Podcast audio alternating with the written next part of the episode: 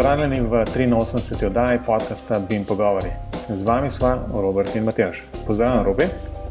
Zdravo, Matejš. Veseli me, da lahko tokrat pozdravim ne samo enega, ampak kar dva gosta. To sta ustanovitelja podjetja Kobe Labs, Andrej Kogovšek in Uroš Barlič. Pozdravljena. Živijo. Živijo. Po nekaj časa sta, sta no, imamo nove goste v, bistvu v, v podkastu, tako da danes bo jasna tema Kobe Labs in zgodovina in kaj sploh delajo. Tako da Andrej, lahko, Andrej in Uroš, jasno zdaj, um, lahko v parih stavkih poveste v bistvu malo seb, tako da bojo vedeli poslušalci, s kom sploh govorijo. Dej, Andrej, ti začni. Ja. v redu. No, jaz sem Andrej Kogovšek. Um, Matej, če se spomniš, so mi dva včasih skupaj celo. Ko sem delal diplomo, smo bila skupaj, ne? to je že kar nekaj let nazaj. To je že, oh, oh, daleč, ne? Ja, res je. Sem šel prav pogledat svojo diplomo in to je bilo leta 97. Prosim, kdaj? Zdaj se hitro vrne. To, to je, jaz sem 96 diplomiral, pa sem, pa sem začel tisti doktorat delati. Um, in Andrej je kmal, kmal moj um, sosed prišel v tistih famoznih, um, ko se tiste reče. Tiste, ja. tiste celice tam na moj najkverju. No, da se bo ta malce starejša počutila, jaz sem se 98. šele upisal na faks. v redu se počutim zdaj. Ja. V glavnem, um, no, in tudi že takrat je bila, v bistvu, jaz sem sicer študiral konstrukcije, ampak uh, sama diplomska naloga je bila, bom rekel, skoraj bolj povezana z računalništvom, kot pa samo, samo statiko oziroma računom teh uh, statičnih konstrukcij. In um, tam sem delal en program za izračun oziroma izris, prikaz rezultatov na, na montažnih konstrukcijah, se pravi ta program Onkat je včasih še laufal. No in potem sem v tem, v tem poslu ostal praktično vse do zdaj, ne, skozi nekako se ukvarjam z razvojem softvera, s tem, da že od, odkar sem se zaposlil, ne, ne s konstrukcijami, ampak pretežno z nizko gradnjo. Ne. Ceste, pretežno načrtovanje, ceste in malo železnice, pač in vse te stvari, ki so pač paše pod nizko gradno. No. Tako da se da, zgleda, 20 let s tem ukvarjati, pa se mi zdi, da se bo še kar treba, da še nismo vse naredili. Ja, jaz sem pa Uroš Barlič, se pravi, eh, z Andrejem smo zdaj sodelavca pri Kobi Lepsu, partnerja. Se pravi, zdaj tudi jaz sem eh, diplomiral na gradbeni fakulteti, ne vem, kjer ga leta, to ubi me, to nikoli ne vem. Ampak tudi jaz sem bolj z računalništvom, jaz pa mislim, da neke, neko simulacijo prometnih tokov, zato ker sem pa prometna smer gradbeništva bil. Ampak pol sem šel pa tudi takoj v računalništvo naprej in se od, od takrat, ko sem zapustil uh, te šolske klopi, se ukvarjam z računalništvom, pa že prej sem se tudi, seveda. Ne. To je nekako mi bolj položajno zipko, ki pa ti zgradbeništvo, za ta pravo gradbeništvo, ti za ta prave moške, s, s čelado na glavu. Pa, pa bager, ja. Pa bager, pa to. Ja. Joj, to sta pa zdaj tako povedala. Um, mene, mene zdaj zanima, videl ste ta prava, da vaju vprašam nekaj, kar mi v bistvu že, tako, že zelo dolgo se mi poraja to vprašanje. Zdaj, glede na to, da imate že vsaj, oba dva, vsaj vem, 20-letno kariero v tem poslu, ne, kaj se je spremenil v zadnjih, recimo, desetih letih na tem področju, in ali se spoh kaj je? A lahko na to odgovorimo, ali, ali je to čisto splošno vprašanje. Zdaj, na kaj namigujem? Zdaj, v zadnjih desetih letih se govori samo o obimu. Ali je bilo prej kaj drugače, kot nismo o obimu govorili? Ja, ko sem prej bil, en čas se je zelo veliko 3D govorilo, ne pa v 3D projektiranju. Pole pa, pa je pa spet tisti malo umiril, ker so ljudje videli, da mrske se ne da v 3D narediti, ker so bile mašine malo prepočasne, nekako eh, pač stroji še tega niso čisto omogočali. Še posebej ne, mi, da prihajava iz infrastrukture, tukaj so projekti res veliki in uh, reči hitro počepnejo. Če se, če se zdaj gremo en ta prav 3D z solidi, z, uh, z kompleksnimi, kompleksnim modeliranjem. Zdaj, če govorimo o BIM-u in o nekih visokih stopnjah detajlov, te reči znajo biti zelo zahtevne za, za mašinerijo. In moram reči, da še zdaj softveri niso čisto s tem, oziroma ne izkoristijo dovolj dobro hardvera, da bi, da bi se dal res gladko in tekoče delati infrastrukturne projekte v nekem 3D-ju. Ne. Jaz tako vidim, da mi smo se praktično, oziroma z Urošem se več ali manj skozi ukvarjali. Bolj z načrtovanjem, se pravi, oziroma modeliranjem, se pravi, ta del bima. Ne. Tukaj dober, so bile spremembe, ampak um, bi rekel, da niso bile tako drastične. Sploh, če pogledam, recimo, spet malo nazaj. Um, ko, sem, ko sem delal diplomsko nalogo, sem jo delal v RX oziroma C, ki se še vedno uporablja in še vedno najboljša, bom rekel, razvojno okolje za razvoj nekih resnih aplikacij. Tukaj, tukaj ni šlo kaj dosti naprej. Poleg tega takrat vem, je lih IFC oziroma no, IFC oziroma IAI je bila ta organizacija, ki se je kasneje preimenovala v Building Smart, takrat je že nek IFC bil, ne in sem prosil, če mi ga pošljajo in so takrat poslali celo eno polo enega špeha oziroma čas se ni, bila, ni dal to dol potegniti. Je že bil nek standard takrat, ne? zdaj res je, da se je v tem času dosta razvil, ampak kljub vsemu 20 let je dolga doba, bi si mislil, da, bo, da bo šlo to hitrejše. Mhm. Mogoče najvišjo, največjo spremembo se meni zdi, je pač tukaj v povezovanju, se pravi povezovanje, sodelovanje, deljenje teh podatkov, modelov. Tukaj pač ta splet in te nove tehnologije so pač to naredile svojo, oziroma tukaj je, po mojem, še največji razvoj se zgodil. No? Pa tudi tukaj je še veliko, veliko rezerve. Ja. Ne vem, mogoče bolj za šalo, kot za res. Kar se mene tiče, uh, na, največji napredek je bil uh, tako res kvantni preskok v, v delu z računalnikom, v CAD-u. Je bilo AutoCAD 2000, zato ker se je začel uporabljati kolešček na miški za zum. to je bilo meni vrhunsko, res pogruntavščina na mestu. In tak, s tistim, mislim, da smo res veliko pridobili, vse vse pol naprej je bilo pa tako. en tak zvezen razvoj. Mm -hmm. No, se vse tako uporabno, kot je kolešček za zum, je tudi kolešček za pen, ne? če ga noter pritisneš. Oboje, ne pa ta, ta je ta kombinacija, ja, se razume. Ja, ta, ta, ta dva, te dve operacije res veliko človek dela in ker so to uh, uporabljali, v 14. mislim, da tega še ni bilo, če se prav spomnim z 2000, ko je pa to prišlo.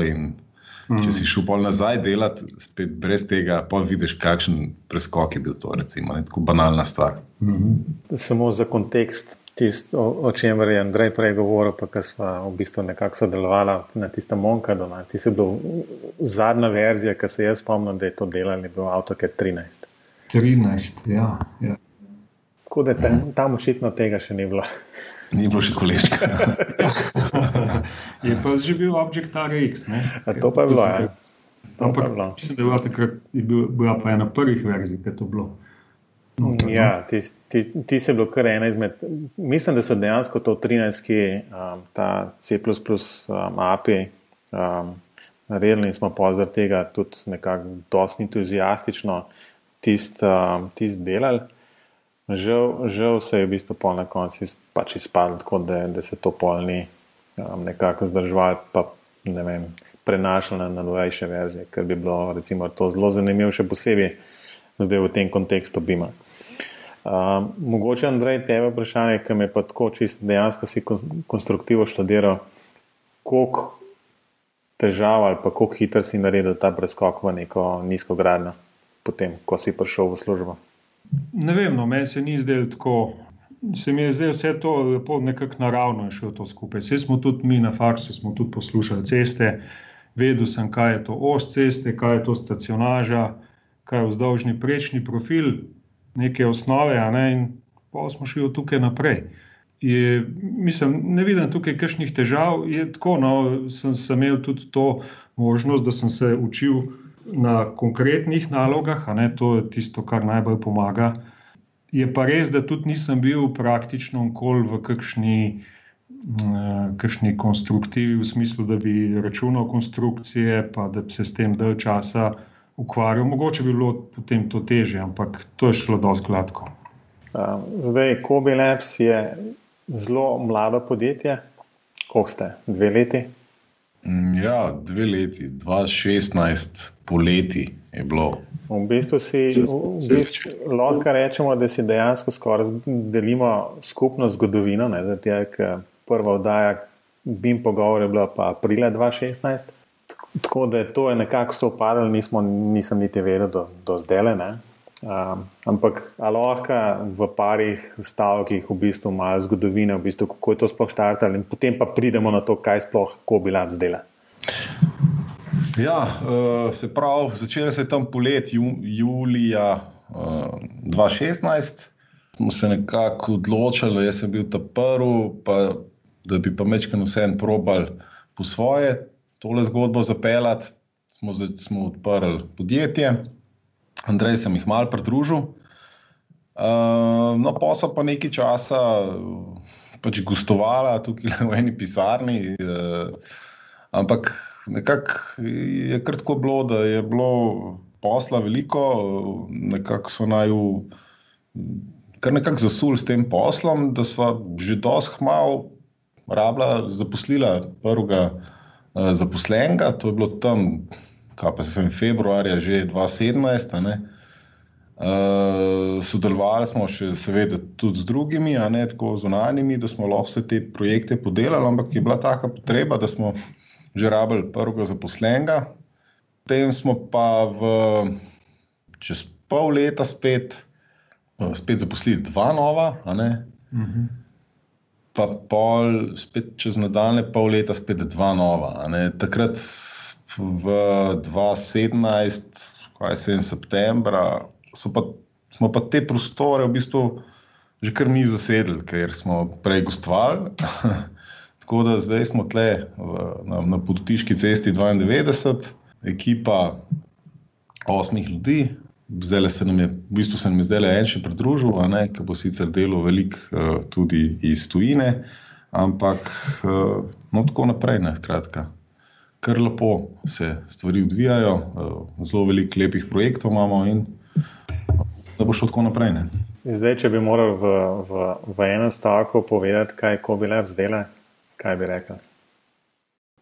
Uh, razvoj softvera za uh, arhitekturo, gradbeništvo ali pa recimo tehničnega softvera, no, tako nekako. Ja, tako. Se pravi, če še treba v enem stavku. Ja. No, meni je zelo všeč, všeč, da ne ločujete med uh, arhitekti, gradbeniki, pa verjetno še strojniki, pa komne. Ampak, če bi morala, recimo, vaše stranke rangirati, koliko bi rekla procentualno, koliko jih je, recimo, če ločimo vsaj arhitekte, pa gradbenike, pa strojnike. No? Imate kakšne podatke ali vas to sploh ne zanima? Ja, zdaj je težko reči, ker v bistvu, kako, kaj, kaj bi definirali kot stranka. Ali je to naša stranka, ki uporablja naš softver, ali so to naši naročniki, kjer delamo tudi custom razvoj. Ne? Vse vsem, pač sam si lahko mejo postaviš, kako bi rekel, ja. to procentualno. Kaj sem, po moje, strojnikov je bolj malo, no, strojniki zaenkrat še bolj malo sodelujemo, čeprav je to, to se nadi zelo zanimiv del, ampak nekako nimamo tle nekih mhm. -huh. ekspertiz. Uh, gradbeništvo, ko jaz bi rekel, mogoče 60 proti 40 za arhitekturo ali kaj takšnega. Kaj tasga, ja. ja. Ker določeni del razvoja, ki ga pač upravljamo, je tudi to, da imamo pač neko tehnologijo, ki, pač, ki smo jo prodali, oziroma ki jo pač drugi, jo potem tudi za tega naročnika uporabljamo, in niti ne vemo točno, koliko ima ta naročnik potem strank naprej. Zato je to praktično, nimamo niti podatkov, tako da to je vse, kot je Uroš rekel, neka ocena, ki je verjetno kar tok natančna. Pa, po pa, mojem, tudi za, za nas je dosti natančna. Pa mislim, da je ta arhitektura, sem mislil, visoko gradno, no, tako bo ja. bolj natančno. Če recimo razdelimo na visoko gradno, pa nizko gradno. Omenili ste, da delate pač specifičen razvoj tudi za, za druge tudi ta tehnologija, ki je bila omenjena, zdaj v bistvu je pač v, v drugem softveru ugrajena noter. Tako da očitno pač delate na projektih in pol razvijate hkrati zraven še ta Kobe Labs Toolkits. Lahko malo o tem opišete, kako eno in drugo poteka, oziroma kje je tisto, kjer vidite morda vašo ta prava priložnost, ali pa v bistvu imate dejansko to tako zelo nekako razpršeno, to v bistvu dejavnost. Ja, to, to si dobro rekel, razpršeno. To, to je tudi za nas ena ključna, bom rekel, strategija. Biti razpršen v, v smislu, v tem pozitivnem smislu. Ne, ne, ne staviti samo na enega konja, biti na, na različnih področjih, hkrati pa tudi moš paziti, da si še vedno fokusiran, ne, da, da pa nisi spet preveč razpršen, pa si pa čist v bistvu ne moreš več kvalitetnih storitev, servisov, pač produktov ponujati. Ne. Gre za to, da pač mi imamo neko znanje eh, iz tega, bom rekel, gradbene informatike, kako bi temu, temu rekel, in, in potem pač malo razmišljamo vse skozi, kako bi se dal to. Eh, to znanje, oziroma tudi glede na potrebe, ki so na trgu, oziroma ki jih mi zaznavamo, kako bi lahko pač to nekako zapakirali. Ne? In tukaj se pač Eno so toolkiti, ki si jih omenil, ne za Civil 3D, pa za Revit. Tukaj pač ciljamo na, te, na, te, na ti dve platformi, ki so v svetovnem merilu najbolj razširjeni za, za pač načrtovanje oziroma modeliranje.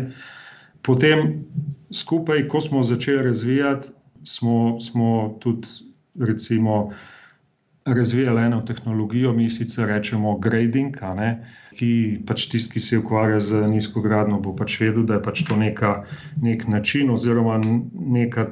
Je, rečemo, rečemo tehnologija, ki, ki nam omogoča neko izris oziroma modeliranje nek, nekih površin, pri čemer veš, recimo, štarteš iz, neki, iz neke znane geometrije, potem poznaš recimo nagib in te zanima, kakšen je potem ta, ta površina, eh, kako jo treba načrtovati, oziroma kakšna je oblika. Ne. To, če si predstavljamo, recimo, imaš eh, lahko recimo dno gradbene jame, pa rečeš, da na gib je vem, ena proti ena, in zdaj tisto, kar če to projiciraš do, do terena, ne, potem dobiš na terenu neko obliko. Ne, in to je tisto, vse skupaj, to celo telo tvori tako imenovani grading. No, to smo mi dosti dost, bom rekel, do tera, da smo vložili eh, razvoj v to in se izkazali, da, da take rešitve na trgu ni in da enostavno se ne da kupiti. Zato smo pač so določeni naročniki, ki so bili zainteresirani in jo pač so jo vključili v svoje produkte. To, potem so pa še, bom rekel, čist eh, projekti po naročilu, ki pridajo tako skozi razne, um, rekel, vire ki določene firme rabijo pač pomoč pri razvoju ali čist nekih manjših stvari, ali pa pač tudi večjih. Um, zato sam, sam še eno dodatno podvprašanje, v bistvu samo zato, da se bodo zdaj poslušalci predstavljati, kaj je zdaj v bistvu problem pri tem gradingu, oziroma zakaj je ta vaš, vaša rešitev boljša od drugih. Um, mogoče kakšno zadevo okoli tega lahko poveš? Kot prvo je to dosti zahteven matematičen problem, zato ker, treba, ker imamo opravka z zelo nepravilnimi oblikami, eh, delamo običajno s površinami, s eh, trikotno mrežo, se pravi Team Surface, in potem se pač računa, računajo presečišča oziroma eh, te tako imenovani daylighti, kako bi temu lepo rekel ja, po slovenski. Daylighti se pravi tisto, tista črta preseče, presečna črta med različnimi površinami. Sama, sama geometrija je dovolj zahtevna, to je, to je en problem. Še, drug problem, ki pa tudi ni več dosti manjši, je pa to, da mora to delati hitro, oziroma mi hočemo, da dela hitro.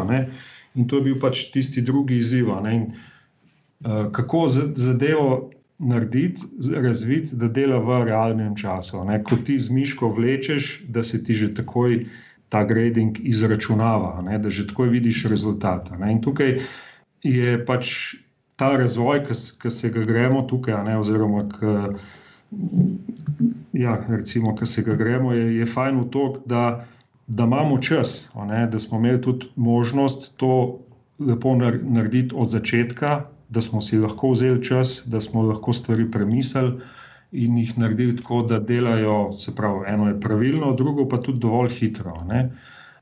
In uh, mislim, da nam je tukaj kar dobro uspelo. Zelo izkazuje se, da je zelo pomembno.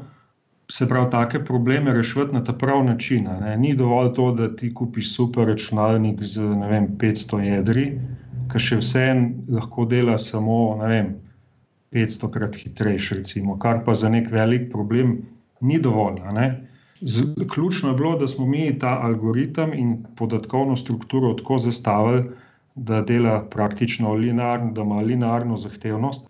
In uh, da če, če se, ne vem, sam projekt oziroma objekt poveča za, za ne vem, stokrat, da zdaj uh, to še vedno v nekem realnem času dela, ne? da, da zdaj rabiš iti na kosilo ali pa da ne rečem spat, pa zjutraj prideš pa imaš to zračunano.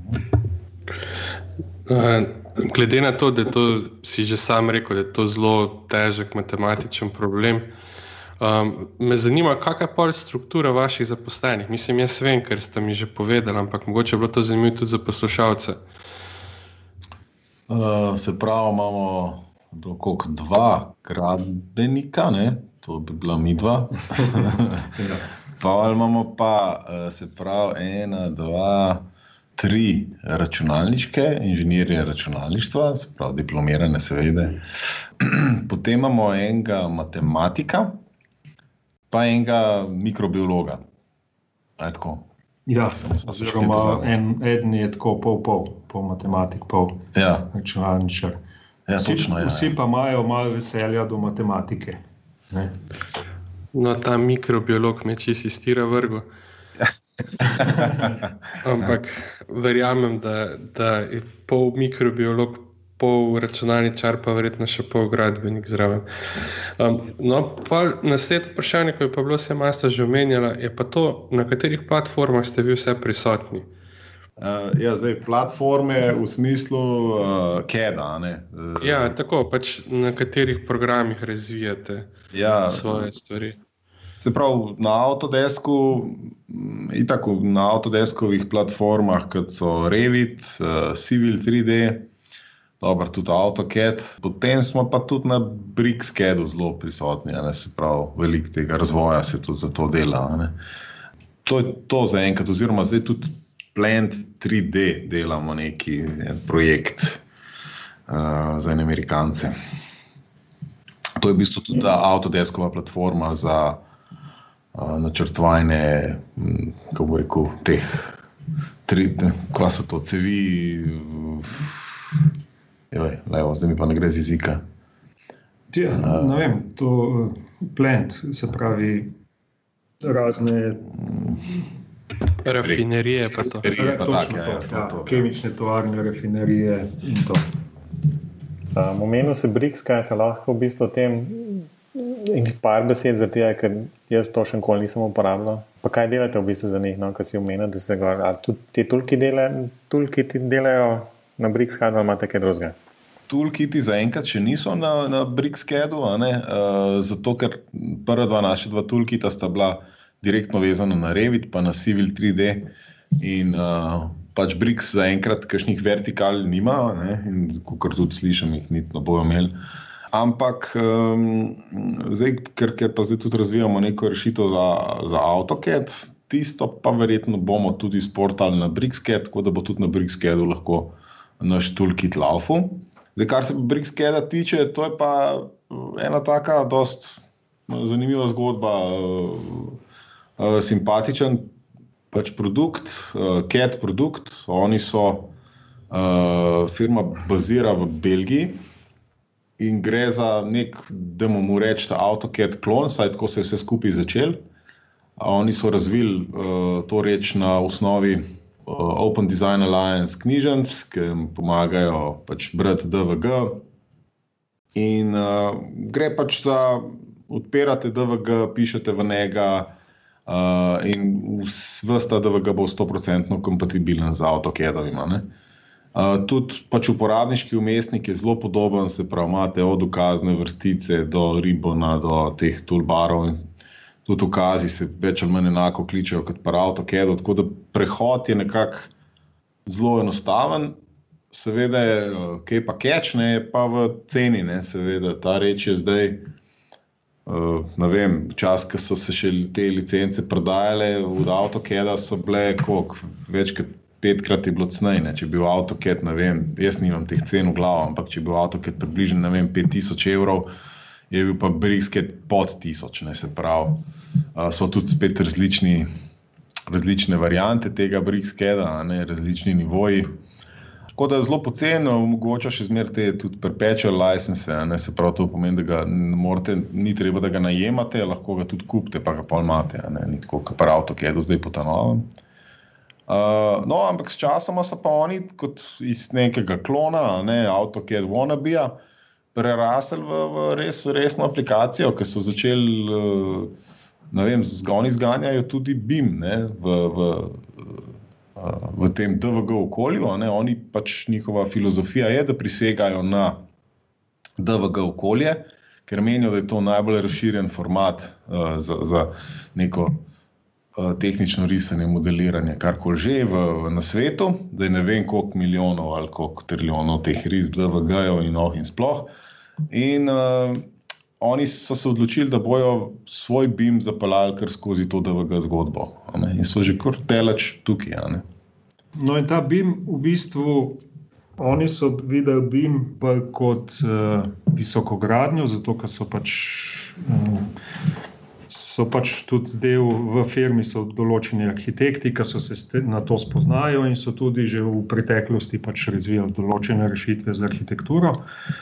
Manjkal jim je pa pač ta segment nizke gradnje. Ne? In tukaj so potem našli nas, uh, ko so zvedeli, da smo šli pač na svoje in smo pač mi uh, smo se pač povezali in zdaj že nekaj časa z njimi sodelujemo. No, in mi smo pa pač za, potem za BRICS-KET oziroma za BRICS-IS razvili ta tako imenovani site design, ki vsebuje uh, Team Surface, se pravi uh, površine.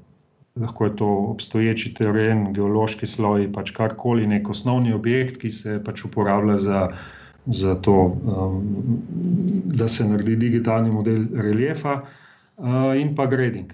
No. Tako da to je zdaj v verziji, ni dolg nazaj, ko ta verzija je šla ven, ne, je bilo pač to noter, oziroma je to noter. In ne vem, mi smo po svoje, vsekakor smo zadovoljni, da smo na tem sodelovali, ne, smo se veliko naučili, cela ekipa, res je tukaj en tak razvoj bil na enem višjem nivoju. In mislim, da smo tako dobro združili moči, smo, smo se pač nekako dobro dopolnili. Ne? Pa imate zdaj za naprej eh, še vedno plan voziti eh, obe platformi usporedno in Brix, Kadovo in Autodeskovo, ali je mogoče v nekem dolgoročnem planu, nek, ne vem, imate namen se fokusirati? ali je to pač sodi po tisto razpršenost, ki ste jo na začetku omenjali? Ja, načeloma ni nikašnih planov hudih, da bi, bi zdaj se morali fokusirati na eno ali pa na drugo. Zdaj poskušamo biti prilagodljivi, pa, pa delati na večjih platformah. Sej, tudi se trudimo zmerno tako, da imamo kod tako napisano, da, to, da so te prehodi precej lahki in Tako da ni, ni, ni kašne. Jaz bi skoraj videl, da bi bili na večjih platformah, da ne bi se rad fokusiral prav samo na eno. Ja, tudi, seveda, tudi v bistvu uporabniki so taki. Ne, da, mm, če, če pogledamo primer Civil 3D, je le pač praktično najbolj razširjena platforma za to, za, za, za nizko gradnjo na svetu. Ne. Uh, ima veliko funkcionalnosti in se da resne projekte delati, ampak še vedno je nekaj manjka. Ne? Zdaj mi vi, doskrat vidimo, oziroma zaznamo, kaj je tisto, kar manjka, in pač to naredimo. Ne? In potem um, imamo iz tega pač zadovoljne stranke. Po drugi strani je pa spet druga potreba, druge, vsak pa ne mara, oziroma mu nekako ne odgovarja, civil 3D. Zdaj pač za, mogoče za druge type projektov, za druge type stranka. Ne. Tako da se pravi, svet je velik in uh, potrebe so. No, zdaj, omenil si, da je svet velik, pa verjamem, da imate tak dober pregled, kaj se, kaj se na tem področju dogaja. Bili ste tudi na enem dogodku v, v Los Angelesu ali v Las Vegasu? V Las Vegasu. Ja. V Las Vegasu. Kaj je bilo to? E, to je en zelo velik dogodek, e, reče se mu Autodesk University. Gre dogodek, kamor Autodesk povabi svoje končne stranke, sprav inženirje, načrtovalce. In tam se zbere, jaz, ne, to je precej čez 10 tisoč ljudi, mislim, da je tam cifra blizu 15 tisoč ljudi. Uh, v nekih ogromnih predavalnicah se, se, se to vse skupaj odvija.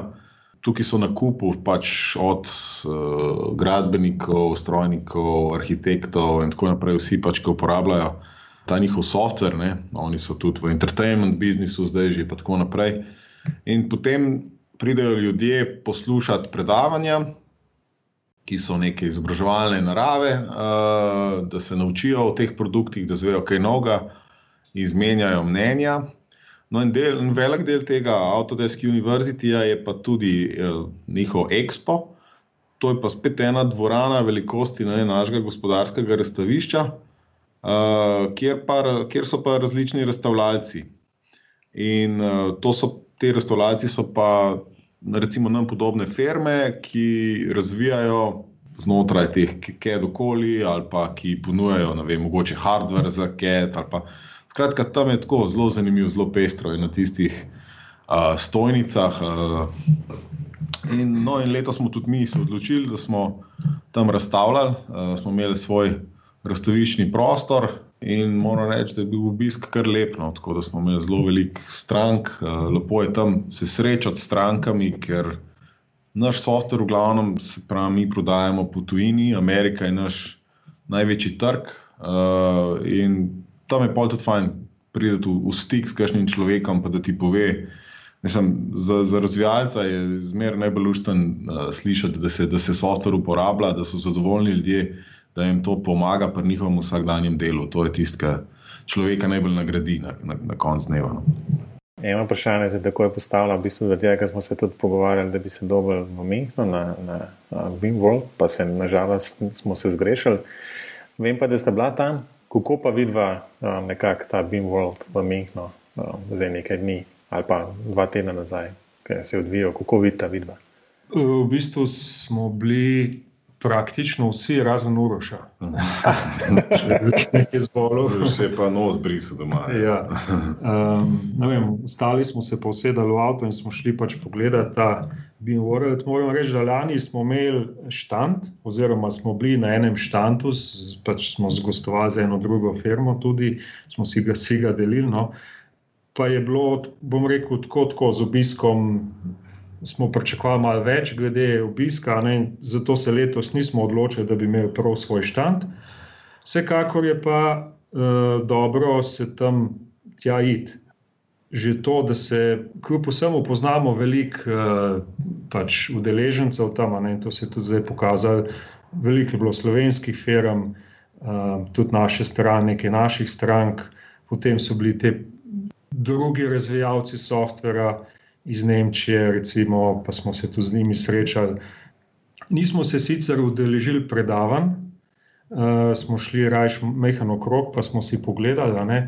V bistvu smo vzeli to, ta um, dogodek tako dobro, vse nekaj smo videli, kaj je noga, bom rekel tako, dosti površno. No. Mogoče je bil za nas bolj, bom rekel, namen te poti to, da se pač tam, da smo, da se srečamo da s kom kajšno rečemo, in um, da smo enostavno, da smo zraven. Pa hkrati tudi vidiš, kam grejo trendi. No? Ja, no, jaz sem bil, če ste poslušali prejšnji BIM pogovor, sem bil kar precej razočaran nad tem BIM Worldom. Zdaj ta AU, ker ste vi bili v Las Vegasu, je bil verjetno pač BIM World na steroidih, krati ne vem koliko. Ne. Ja, res je. Ja. To pa ni primerljivo, res. Ja, pa tam je bil pač fokusiran ne, na AutoCAD-ove platforme, tukaj je bil pač bolj odprt, kar, je, kar pač obstaja. ampak mene to bolj zanima, ko prijete tako na en dogodek, pa je poplava teh softverjev dejansko tega ne broje, ne? število tega je res impresivno. Um, a je težko pač potem odrezati svoj kos pogače ali vas stranke v bistvu kar same najdejo? Ja, zmeri je težko, ne? se prodajati je zmeri, to nikoli bilo enostavno. Mislim, zdaj je pa tako, no, ker malo se poglobiš v te reči, tam na prvi pogled, včasih si malo zelo šokiran, kaj vse ljudje ponujajo. Pa, pa greš pa malo pogledati vsakega posebej pa vidiš, da mogoče niti niso to taki baobavi in tako naprej. Uh, da je veliko tudi napihnjenega tam na tistih panojih, pa tako naprej. Uh, in na koncu najdeš svoj prostor, ne, pod soncem, ker za tisto, kar jaz mislim, da tisto, kar mi ponujamo. Vem, smo, po mojem, kar enih vod, eni, ena vodilnih firm, recimo, glede teh toolkitov v svetu, ker enostavno tak, taka količina, mislim, taka kvaliteta za tako ceno je se seveda prijela in uh, mislim, da tudi po številkah, no, da smo kar eni močnejših, no, če, če ne najmočnejši. Zdaj se avtomatsko ponuja eno naslednje vprašanje. Ne? Če bi videl procentualno ocenila, koliko imate vi, vem, posla izven Slovenije, pa v Sloveniji, koliko je to, je to 95, 5 ali je to še več? Po, po mojem, 99 je ena. Za tujino. Ja. ja, seveda, se razume. Ne? Verjetno so tudi tam poslovne prakse malo drugačne kot pri nas, ker je v bistvu drugo vprašanje za tem, kaj imate, je kako popuzdate. Uh, ja, je, je res. Se, ne, ne, da bi se Slovenija kako izogibala, ne? se nekaj, nekaj strah imamo, ampak enostavno je, bom rekel, kar. Zdaj, te dve leti, ki smo išli kar samo od sebe, ne, so naročila prihajala in smo tukaj videli tisto večjo priložnost za rast. Ne. In um, se nam je zdaj itak, no, da, je, da so potrebe velike in da, da, da, da tukaj lahko naredimo precej večkrat v Sloveniji. Uh, ampak se pravi, nikakor ne izključujemo Slovenije in upam, da bomo tudi kmalo tukaj lahko kaj več, kakšen procent dodali. Mi je pa zanimivo, recimo, ko ste prej tudi omenjali, da, da sodelujete s temi, kako ste že rekli, vem, rafinerijami in temi industrijami, ki se v bistvu z nafto ukvarjajo, pa bolj kot ne s strojniškim delom. Ne. Um, tega v Sloveniji tako tak ni. No. Je pa tako tudi, ko nevezani pogovori, ko teh dogodkih se pogovarjaš, se ta industrija precej usmerja v BIM, pa išče neke prednosti v njem. A imate tudi vi tako občutek, ker se mi zdi, da zdaj večinoma kar z njimi se sodeluje? No, ja, jaz mislim, da glih par takih projektih, kot je ena rafinerija, recimo tam pa res BIM pride do izraza. Ne, ne vem, jaz kakšnega hudega smisla BIM-a pa eno družinski hiši, moram reči, da ne vidim. Ampak pa eni rafineriji, tam ga pa vidim. Tam je pa res. Uh, vsaka ura, vsaka, vsak dan je uh, nedelovanja, kakšnega dela, ali pa da ne rečem, cele rafinerije je lahko usodna. In uh, tam pa stvari morajo res špilati. In projekti so veliki, in zamude na projektih strašno veliko stanejo. Prav, večji je projekt, uh, ve, ve, večje, večji so benefiti ne, tega BIM pristopa. In, vem, spravo, take stvari, kot so letališča, Ne, tam smo tudi nekaj delali, ali pa tale rafinerije. Tako, je, tam se pa res poznane. V luči, da ne bomo predolgi, pa je sorjano, da bi lahko o tem govorili še naslednje dve ure, bi za konec tega dela, recimo, samo eno tako zelo splošno vprašanje postavil obema, um, kje se vidite kot Kobe Labs čez pet let? Tega ne vidite, tega ne vidite, ampak se znamo vprašati. Ne vidite, ampak Andrej je na mene pokazal, zdaj kaj moram jaz to povedati. ja, uh, ne vem, jaz, jaz se vidim kar, kar še zmer tlele, ker nam je zelo luštno. Uh, zdaj ekipe tudi ne bi, ne bi se radi ne vem, kako širili čez vse meje razumnega. Zato, ker strašno uživamo v, v tem našem delu, ki ga res ga delamo. To je, to je bistvo vsega da, da, da, da razvijamo, da delamo nekaj novega. In se bojim, da če se bomo preveč razširili, pol bomo mi dva nehali razvijati, pa bo se mogla ukvarjati z drugimi strašno dolgočasnimi rečmi. Uh, in, in naj to veseli, tako da res v eni taki uh, zasedbi, kjer uh, lahko je tudi kakšen človek še več, ne, ampak se mi zdi, da je zelo pomembno, no, da so vsi na, na takem nivoju, da smo uh, usmerjeni v res v, v, v razvoj. In, in to je to. No. Mislim, da če bomo dobre stvari delali, da tudi se zadeve, kar v bistvu lahko rečem, sami od sebe prodajajo. Mm. Jaz se s tabo čist strinjam, oziroma vse tukaj smo. Tukaj nikoli nismo imeli kakšnih, bom rekel, nasprotovanj ali različnih pogledov. Ne. Zgleda, da smo vsi tukaj, ki smo zdaj v Kobi Labsu, dosti razvojniki po duši.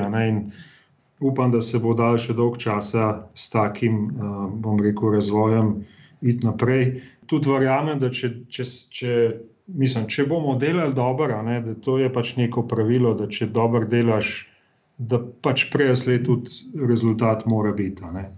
In, uh, eno je to, da se dobro zastopimo, drugo pa to, da tudi delamo dobre stvari naprej. No. To je nekako tak, sicer splošen odgovor, ampak. No, nisem, nisem mislil, da boste podjetniški plan za naslednjih pet let povedali. Jaz ja, sem hotel Matej že vprašati, kje se on vidi čez pet let, pa sem se v jeziku griznil. Hvala, Robi.